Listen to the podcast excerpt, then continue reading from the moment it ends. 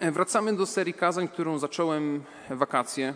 Ktoś zwrócił uwagę, że dlaczego takie mocne kazania wakacje? No, mocne kazania wakacje są, no bo takie jest Boże Słowo. Jeżeli mamy serię kazań, to czasami są tematy trudniejsze, czasami są tematy lżejsze.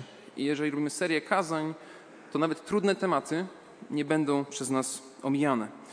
Zachęcam, otwórzmy list do Efezjan. Będziemy kontynuować. Dzisiaj już w zasadzie, ostatnio było wprowadzenie do Bożej zbroi, e, a dzisiaj już będziemy patrzeć na pierwszy element tej zbroi, jakim jest opasanie się e, prawdą albo pas prawdy. Ale zachęcam, przeczytamy wersety od 10 do 14. List do Efezjan, szósty rozdział, wiersze od 10 do 14.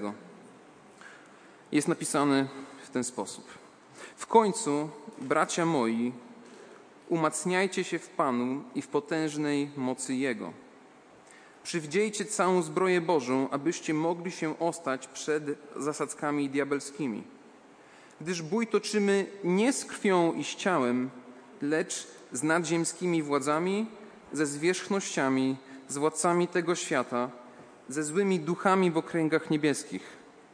Dlatego weźcie całą zbroję Bożą, abyście mogli stawić opór w dniu złym i dokonawszy wszystkiego ostać się. I teraz ten wiersz, na którym się będziemy dzisiaj poważnie zastanawiać. Stójcie tedy, opasawszy biodra swoje prawdą. Stójcie tedy, opasawszy biodra swoje prawdą. Panie Boże, tak Ci dziękujemy za, za Twoje słowo. Dziękujemy Ci, Panie, za to, że Ty nas przygotowujesz e, do życia duchowego, w jakim się znajdujemy. Że, Panie, Ty nam pokazujesz, w jaki sposób powinniśmy żyć. Panie, że Ty nam pokazujesz, w jaki sposób mamy się wzmacniać, chronić. I, Panie, dziękujemy Ci za osobę Jezusa Chrystusa, który nam to wszystko zagwarantował. I, Panie, teraz błogosław nas w trakcie rozważania tego słowa. Panie, modlę się o otwartość naszych umysłów, otwartość serc, Ucz nas, Panie, pokrzepiaj nas, zachęcaj i buduj do życia na Twoją chwałę. O to Ci, Panie, prosimy teraz w imieniu Jezusa Chrystusa. Amen. Amen. Stańcie za tym, mając swoje biodra przepasane prawdą. Dlatego weźcie całą zbroję Bożą, abyście mogli stawić opór w dniu złym i dokonawszy wszystkiego ostać się. Te zalecenia, które dzisiaj były czytane, było ich trochę więcej, nad jednym się skupimy bardziej dotyczą zasadniczo tego, o czym mówiliśmy ostatnio. O tym, że jako ludzie wierzący żyjemy w ciągłej walce duchowej. Ona się nie zatrzymuje, diabeł nie śpi wakacje, walka trwa. W jakiś sposób próbuje nas zwieść. I ważne jest zaznaczyć to, jak będziemy patrzeć teraz na ten fragment ponownie, że to już jest walka, która jest ostatecznie wygrana. To jest walka, którą Chrystus zwyciężył na krzyżu przez Jego śmierć, przez Jego zmartwychwstanie życie człowieka wierzącego jest zwyciężone. Nie jest to walka, to nie jest wygrana przez moje wysiłki, to nie jest wygrana przez moje umiejętności, nie jest to też wygrana przez moją wiarę. Ja nie mam tak wielkiej wiary, żeby pokonywać szatana, żeby pokonywać diabła. To nie jest moja wiara, która zdobywa góry. To jest wielka łaska Jezusa Chrystusa i Jego krew przelana na krzyżu, która nam gwarantuje to, to zwycięstwo. Jest to walka zwyciężona Bożą łaską i mocą zmartwychwstałego Chrystusa. Jednak ta walka, o której mówimy, ma też pewien aspekt praktyczny.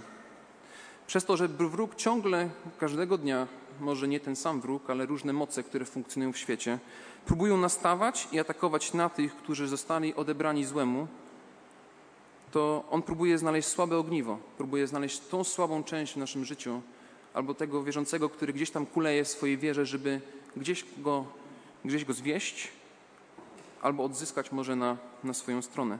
W pierwszym liście Piotra 5,8 jest napisane: Bądźcie trzeźwi, czuwajcie. Przeciwnik wasz diabeł, jak lew ryszący, krąży, szukają kogo pożreć. Krąży. To nie jest tak, że on śpi, jednego dnia się budzi, a może dzisiaj kogoś tam poszukamy, znajdziemy. On ciągle uważa, ciągle czuwa, ma swoje armię, czy też swoje moce, które pomagają żeby to zadanie wykonywać.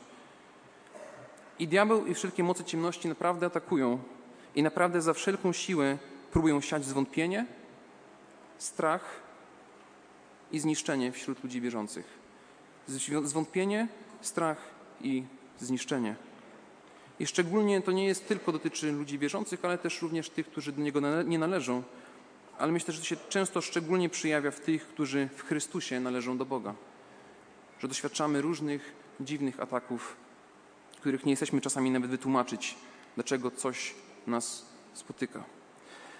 Pomimo tego, że ostatecznie w tej walce zwycięża Chrystus, to się okazuje, że są pewne praktyczne rzeczy, które my możemy wykonywać, pewne zalecenia, które powinniśmy stosować w naszym życiu, żeby z tą walką, która nas spotyka, się ostać, żeby się jej oprzeć.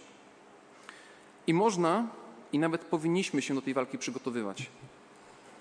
Jeżeli jesteśmy nieświadomi walki, to nie możemy się do niej przygotować. Jeżeli nie znamy wroga, to też nie możemy się do walki przygotować. Ale kiedy znamy już wroga, wiemy, że ta walka już trwa i my się w niej znajdujemy, no to coś musimy zrobić, żeby w tej walce również zadziałać. Więc apostoł Paweł daje w tej liście, kiedy opisuje zbroję Bożą, to daje tutaj praktyczne i życiowe zalecenia do tego, jak żyć, żeby przed tymi atakami się ostać. W jaki sposób, co powinniśmy robić, żeby to nas, żeby to nas wzmacniało. I to nie jest żadna uczynkowość.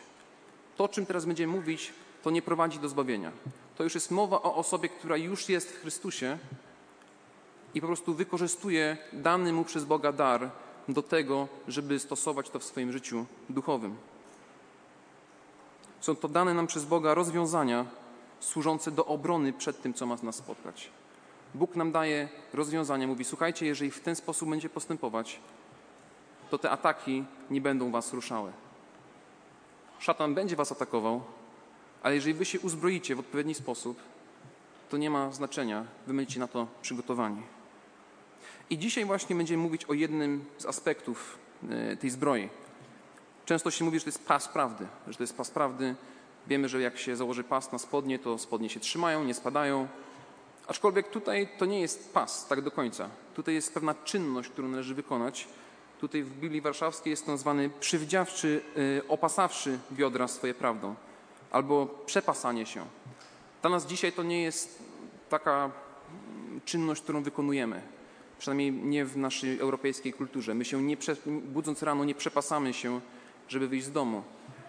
I to jest taka kwestia, która wynika troszkę z kultury starożytnej i dzisiaj blisko wschodniej, gdzie w starożytności ludzie nosili tuniki.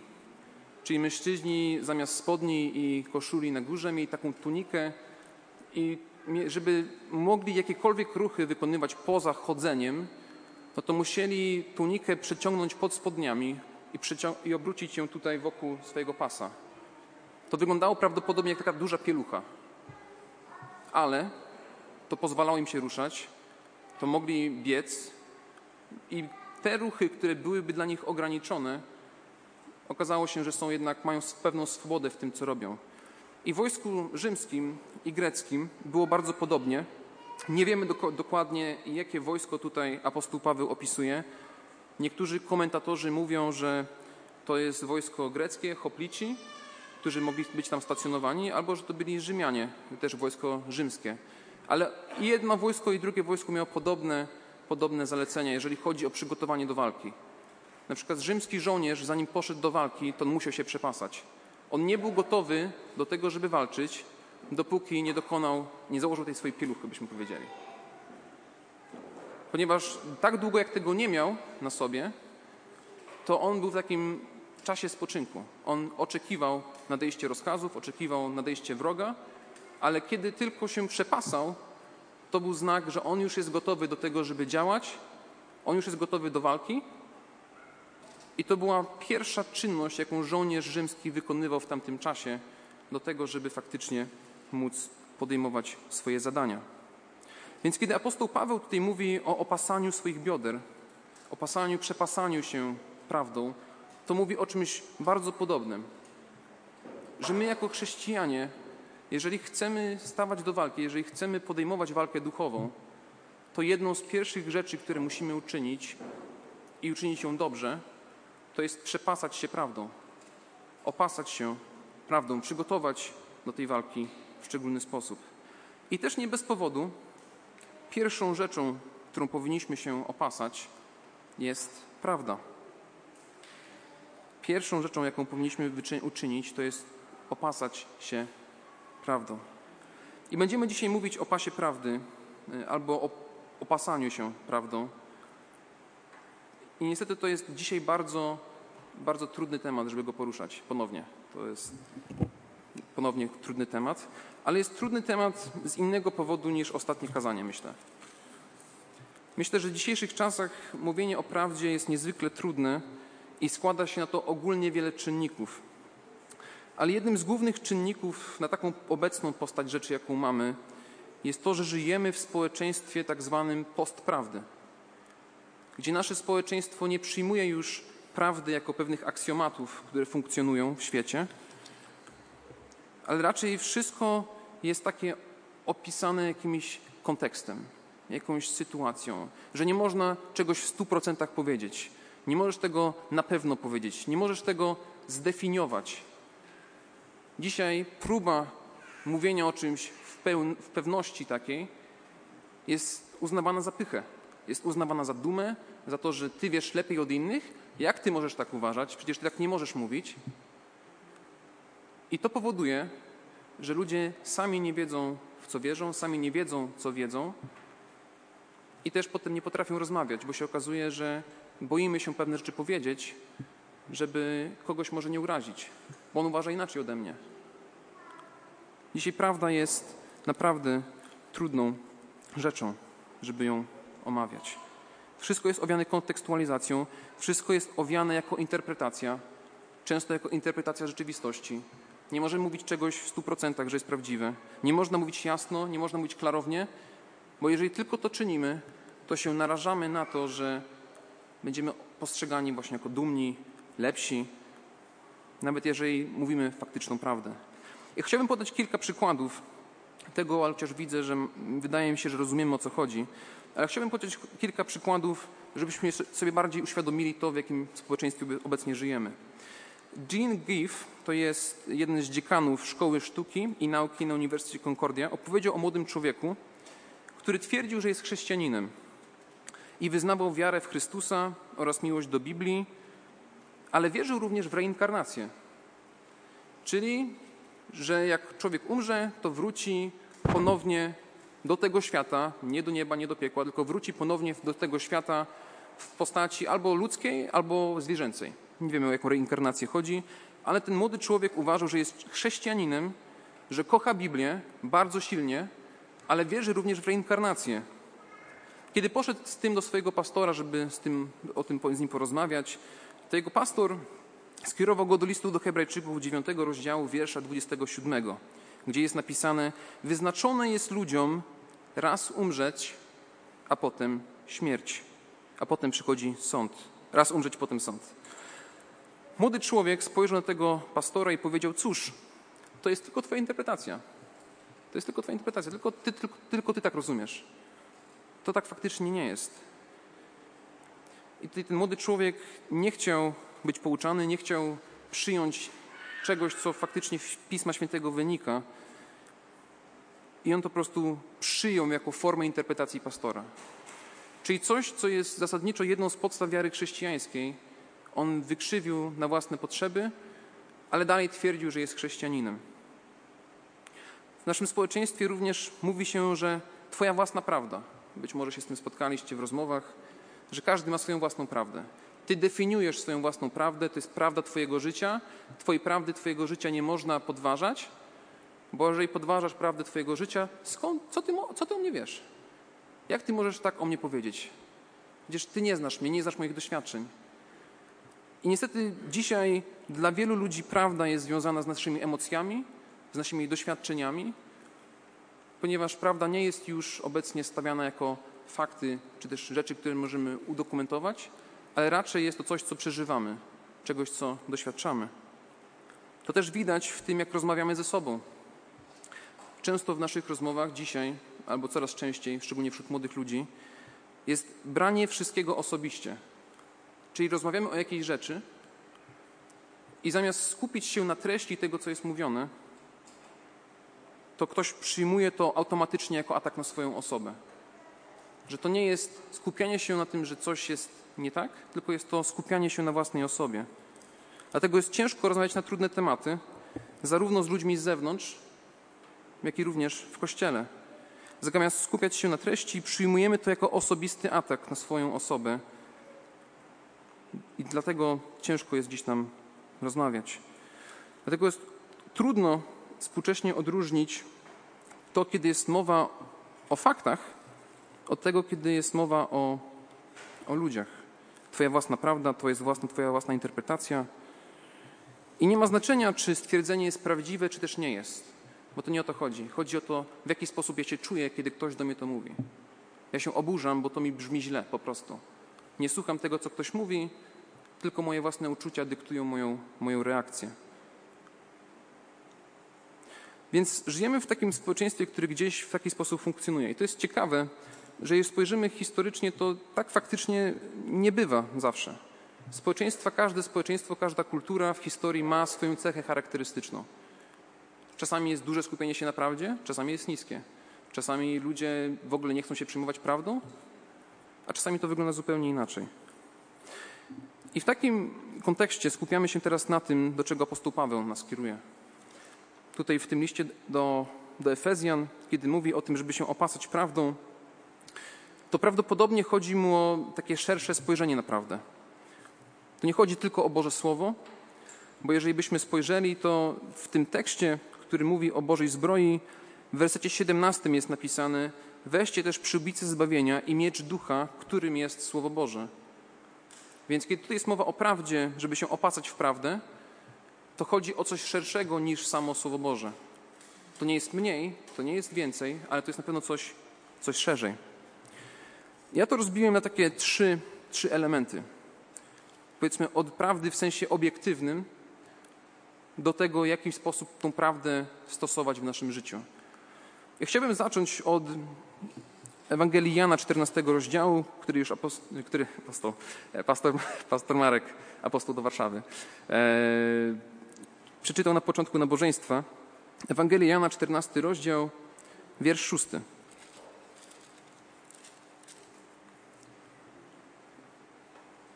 I rzekł do niego Tomasz, Panie, nie wiemy dokąd idziesz, jakże możemy znać drogę? Odpowiedział mu Jezus, ja jestem droga i prawda i życie i nikt nie przychodzi do Ojca jak tylko przeze mnie. Ta jedna fraza jest tym, co nas wprowadza w poznanie prawdy. Kiedy znamy Chrystusa, znamy prawdę. I teraz pytanie jest takie, jak silne przeświadczenie o tym mamy? Czy my faktycznie wierzymy, że Jezus jest jedyną drogą do Ojca, że Jezus jest jedyną drogą do Boga? Bo kiedy mówimy o tym, że coś jest prawdziwe, to automatycznie implikuje również to, że coś musi być fałszywe. Jeżeli Jezus jest jedyną drogą do Boga, to znaczy, że wszystkie inne religie są fałszywe. Nie ma innej drogi do Boga. Albo przyjmujemy Chrystusa jako swojego Pana i swojego Zbawiciela, albo nie spędzimy wieczności z Bogiem. Nie ma coś pomiędzy. To nie ma jakiejś szarej strefy w tej sytuacji. Tutaj nie ma miejsca na nasz własny subiektywizm, nasze własne odczucia, nasze własne emocje. To może nas bulwersować i prawdopodobnie dzisiaj wielu ludzi to bulwersuje takie stwierdzenie. Miałem niejedną rozmowę, gdzie ktoś mówi, ale nie możesz tak wierzyć, bo to, to jest zbyt takie ekskluzywistyczne. To jest zbyt za duży ekskluzywizm. To za mało ludzi może pójść do Boga. A co z tymi innymi? Jasno Boże Słowo wskazuje na to, że Jezus przyszedł, żeby uratować tych, którzy w Niego uwierzą.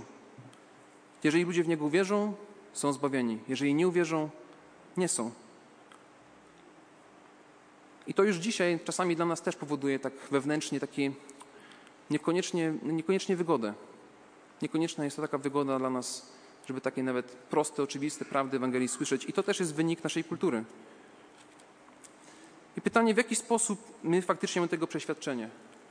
Bo jeżeli nie mamy przeświadczenia do tego, że Jezus jest jedyną drogą, prawdą i życiem, żeby wejść do Ojca, to w jaki sposób my się będziemy ostawać, kiedy jakieś wątpliwości, które może szatan będzie wprowadzał do naszej głowy, w jaki sposób, a może jednak nie jest tą właściwą drogą, może jednak nie jest tą prawdą, o której tutaj głosimy.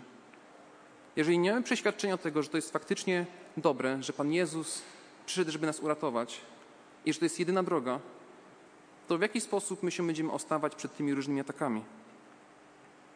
Jezus w Ewangelii Jana w szóstym rozdziale zwrócił się do swoich uczniów, mówi, i czy i wy chcecie odejść? Odpowiedział mu Szymon Piotr: Panie, do kogo pójdziemy? Ty masz słowa życia wiecznego.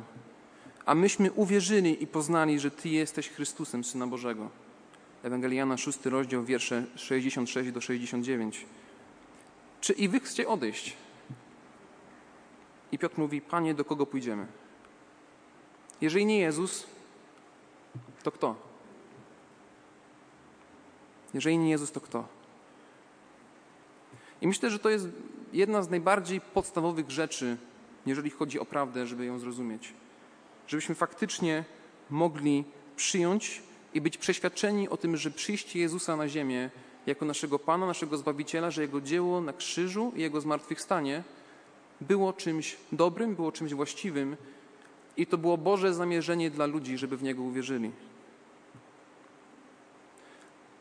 Potem czytamy w Ewangelii Jana również o tym, że po odejściu Syna przychodzi Duch, który wprowadzi nas w pełne poznanie prawdy. Czyli jeżeli mamy Syna, mamy Ducha i mamy dostęp do Ojca, to Duch jest tym, który nas też wprowadza we wszelką prawdę. Jeżeli nie mamy Ducha Świętego, to nie mamy wprowadzania wszelką prawdę. Nie mamy wprowadzenia wszelką prawdę. Więc mamy tutaj już trudny, trudny temat w kontekście zbawienia, w kontekście życia, ale jest to trudny temat tylko dlatego, że nasza kultura mówi, że jest trudny. Dla człowieka wierzącego jest to nic bardziej zachęcającego, że wiem, że mam zbawienie w Chrystusie. Jest to ogromna zachęta, jest to ogromne pocieszenie i jest to ogromna radość, że wiemy, że mamy zbawienie w Chrystusie. I kiedy wiemy, że mamy zbawienie w Chrystusie, to nas chroni przed jakimiś atakami, które może podważają nasze zbawienie. Czy ja na pewno jestem zbawiony? Czy ja wiem, czy jestem zbawiony? Sam miałem kiedyś takie, takie pytania i one potrafią ciążyć. One przychodzą, gdzieś z tyłu głowy się pojawią. Mam jakiś grzech, którego nie wyznaliśmy. Jest jakaś rzecz, którą zrobiliśmy i się jej wstydzimy. I potem te pytania się pojawiają tak nagle, cyk. Jak to jest? Czy na pewno jesteś zbawiony? I potem patrzysz na Ewangelię Jana, wiersz 14, rozdział 14, werset 6 jest tylko droga, prawda i życie. Nikt nie przychodzi do Ojca jak tylko przeze mnie. I jeżeli faktycznie ufamy w to, to jesteśmy zbawieni. Jesteśmy zbawieni w Chrystusie. Nie przez nas i Chrystusa, tylko w Chrystusie. Myślę, że jest to niezwykle ważne, żebyśmy mieli tą świadomość. Druga rzecz, jaka się w tym kazaniu pojawi, to jest jako Boże Słowo, jako objawienie Bożej prawdy dla nas. Czyli to już nie jest ta prawda dotycząca Ewangelii stricte, a jest to ogólna prawda Bożego Słowa skierowana do nas. W Ewangelii Jana, 17 rozdziale, w wierszu 17, Jezus modli, modli się w ten sposób o swoich uczniów. Nie są ze świata, jak ja nie jestem ze świata. Poświęć ich w prawdzie Twojej. Słowo Twoje jest prawdą. Poświęć ich w prawdzie Twojej. Słowo Twoje jest prawdą. Słowo Twoje jest prawdą. Moi drodzy, jedną z, myślę, nie tyle plag naszego społeczeństwa, czy ogólnie chrześcijaństwa szeroko pojętego jest to, że wielu dzisiaj ludzi nie wie, w co wierzy. Dzisiaj naprawdę wielu ludzi nie wie, w co wierzy i nie ma żadnych uporządkowanych myśli co do swojej wiary. I o ile nie można tego oczekiwać od ludzi, którzy nie są ludźmi wierzącymi, to jednak chrześcijanie jako ludzie prawdy mają pewien obowiązek, żeby wiedzieć w to, co wierzą, żeby umieć wytłumaczyć to, w co wierzą. Musimy umieć zdefiniować to, co wierzymy. I kiedy czytamy tutaj, że Boże Słowo jest tym, co nas poświęca i że ono jest prawdą, to kiedy znamy zakres Bożego Słowa i możemy według niego żyć, według niego postępować, to jedną z pierwszych rzeczy, które musimy znać, to jest treść. Musimy być świadomi tego, w co wierzymy, żebyśmy mogli żyć według tego, w co wierzymy. W dzisiejszych czasach chrześcijanie też nie chcą koniecznie definiować pewnych kwestii. Dzisiaj też jest wiele takich rzeczy, które próbujemy zostawiać dla własnej interpretacji, dla własnej indywidualności, a jednak takie podejście jest obce temu, jak to chrześcijanie funkcjonowali przez wieki. Jeżeli były jakieś problemy w kościele, to Kościół się zbierał i mówił: Słuchajcie, tak naucza Pismo Święte, w to wierzymy, w to wyznajemy, za tym idziemy. Baptystyczny, baptystyczny profesor e, historii chrześcijaństwa Roger Olson, opisując takie współczesne zjawisko chrześcijaństwa, które się nie określa, napisał tak: Dzisiejsi chrześcijanie są skłonni oddzielać zbawienie, rozumiane jako przebaczenie i osobista społeczność z Bogiem, od przekonań doktrynalnych. Postępowanie takie było obce większości chrześcijan na przestrzeni dziejów Kościoła. To, w co ktoś wierzył, miało wielkie znaczenie.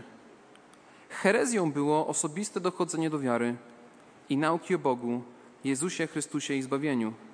Na tyle poważnie, że zagrażało to czystości Ewangelii.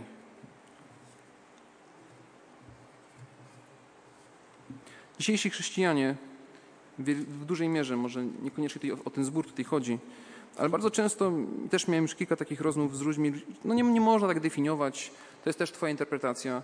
I w momencie, kiedy takie rozmowy wchodzą do kościoła, to wiemy, że coś się dzieje nie tak. W takich sytuacjach bardzo łatwo jest jakieś zagubienie, bardzo łatwo jest jakieś zmieszanie. I myślę, że widać to szczególnie w młodym pokoleniu. Nie tyle ludzi wierzących w kościele, co ogólnie, że jeżeli są rzeczy niezdefiniowane, niewłaściwie wyjaśnione, to nie ma co się dziwić po tym, że jest zamieszanie w społeczeństwie, w którym żyjemy. Nie ma co się dziwić. Jeżeli rzeczy nie są zdefiniowane, wyjaśnione, to też nie ma co się dziwić, że potem będzie za tym szło zamieszanie. Równocześnie, kiedy pewnych rzeczy nie definiujemy, nie wyjaśniamy, nie przyjmujemy ich za prawdziwe, to chrześcijanie zatracają swój język. Chrześcijanie tracą swój język. Nie jesteśmy w stanie powiedzieć, czym jest sprawiedliwość na przykład. Nie jesteśmy w stanie wytłumaczyć, czym jest łaska. Nie jesteśmy w stanie powiedzieć, kim był Jezus. I powoli, jeżeli nie trzymamy się tych definicji, które mamy, a nawet jeżeli mamy jakieś definicje, ale ich nie przestrzegamy, to te słowa tracą moc. To te słowa tracą moc. I na przykład takie pytanie zadam wam. Czy każdy, kto twierdzi, czy każdy, kto twierdzi, że jest chrześcijaninem, nim faktycznie jest? Czy każdy, kto twierdzi, że jest chrześcijaninem, nim faktycznie jest? Słowo chrześcijanin straciło ogromną moc. Ogromnie straciło moc mówienia o tym, że jestem człowiekiem, który podąża za Chrystusem, człowiekiem, który zaufał w Niego jako swojego Pana, swojego Zbawiciela. I ciekawe, że to chrześcijanie nie przyjęli tej nazwy sami z siebie, ale w dziejach apostolskich widzimy, że nazwa chrześcijanin była nadana chrześcijanom po tym, jak ludzie zobaczyli, jak żyją.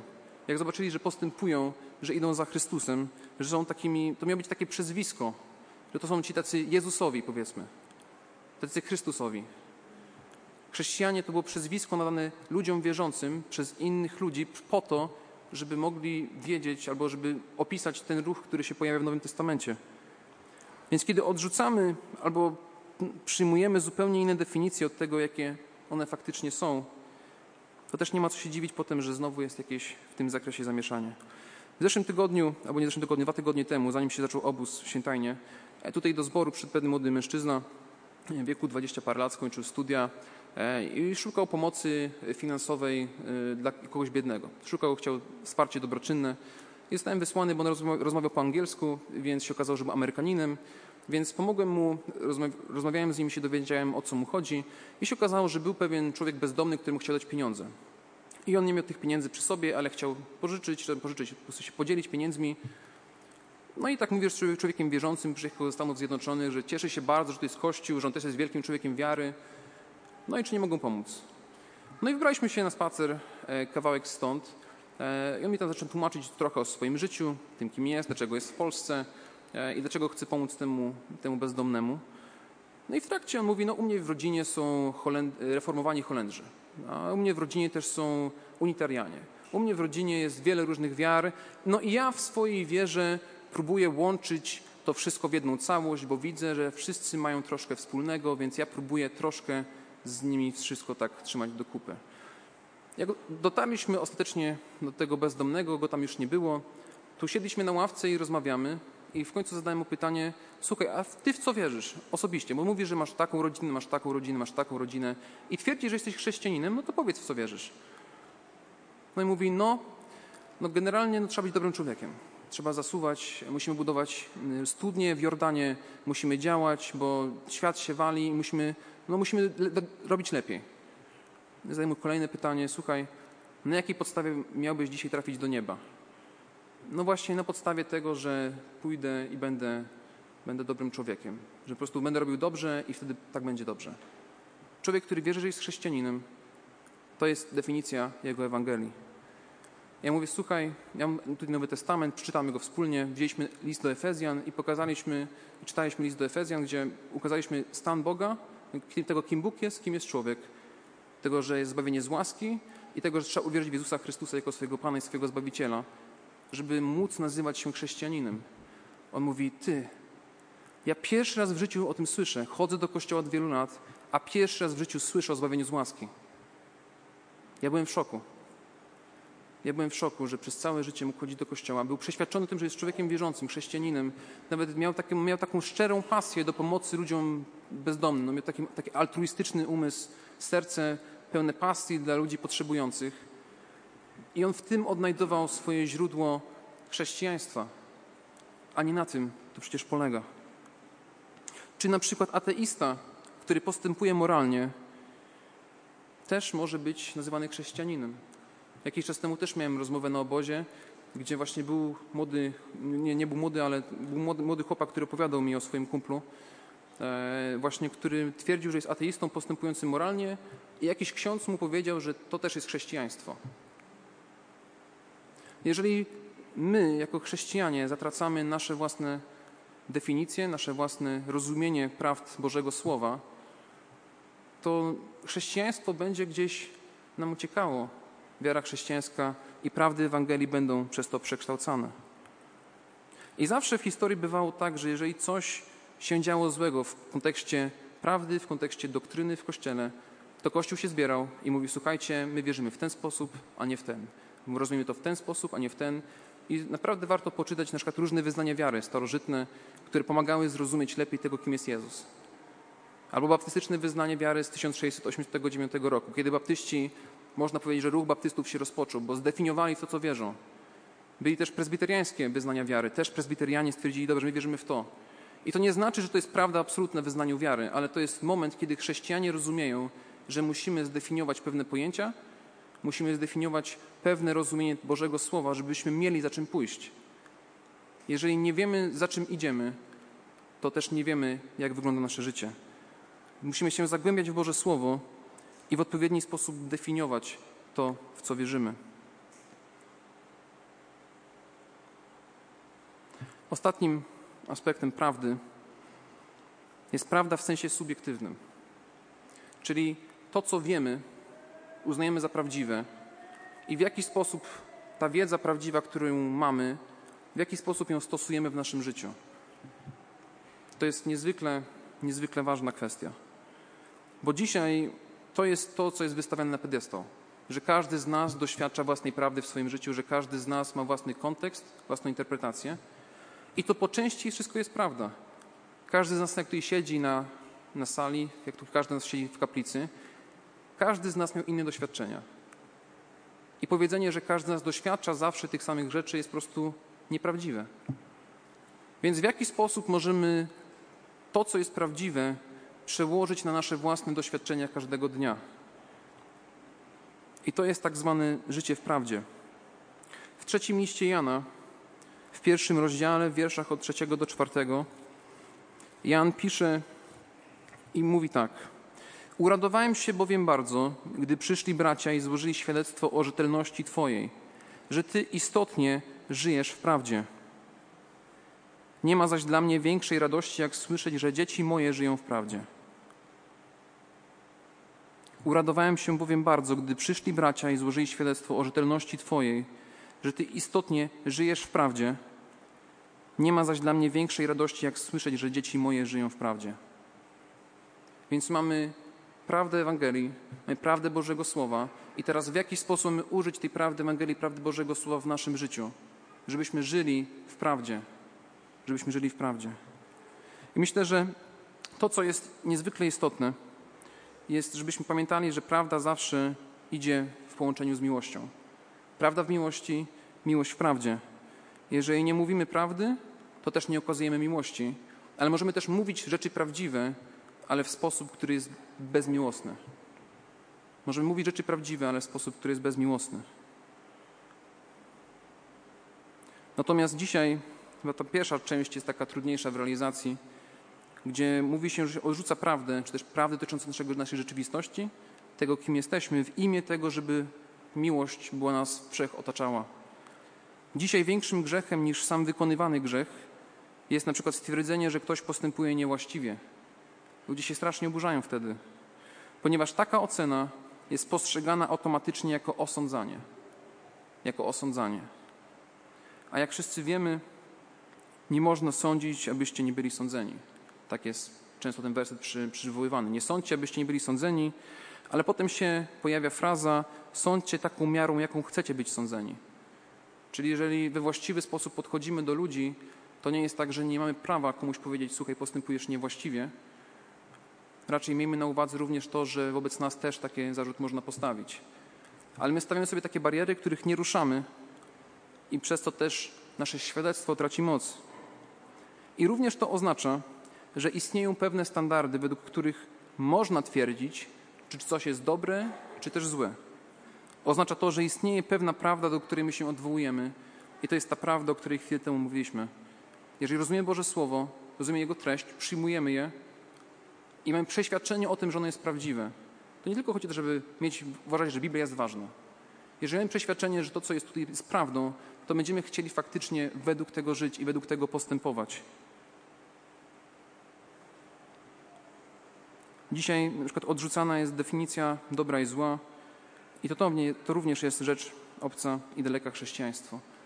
Mamy naprawdę dziwne czasy, w których żyjemy ja bym o wielu z tych rzeczach wolał nawet nie mówić. W sensie, zasadniczo dla mnie to nie jest przyjemność mówić o tym, że żyjemy w świecie, gdzie prawda zostaje wykrzywiana na różne rzeczy. To nie jest przyjemność, żeby o tym mówić. Łatwiej byłoby powiedzieć, słuchajcie, jakby Jezus jest zbawieniem, Jezus jest drogą, prawdą i życiem i po prostu to przyjąć że Jezus faktycznie jest drogą, prawdą i życiem.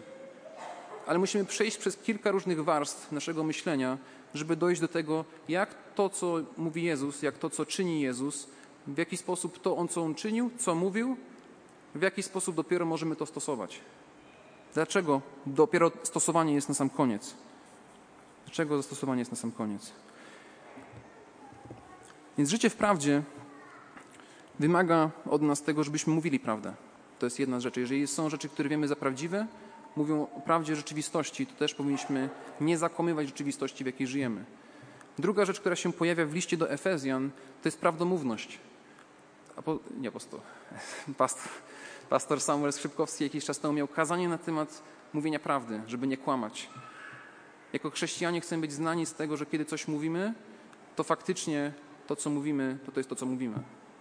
Żebyśmy nie mówili półprawd, żeby w jakiś sposób w połowie albo nie dokończyć coś, bo wiemy, że to służy dla naszych własnych celów. Jeżeli jesteśmy ludźmi wierzącymi, to mówienie prawdy jest w naszym zakresie. Równocześnie mówienie prawdy będzie spotykało się z przeciwnościami. Stawanie w obliczu prawdy, stawanie w obronie Boga jest, wiąże się z pewną przeciwnością, z pewnym odepchnięciem i trzeba być tego świadomym, ale iść radośnie, żyjąc dla Boga. Ostatecznie Bóg ma rację, więc stójmy z Bogiem odważnie.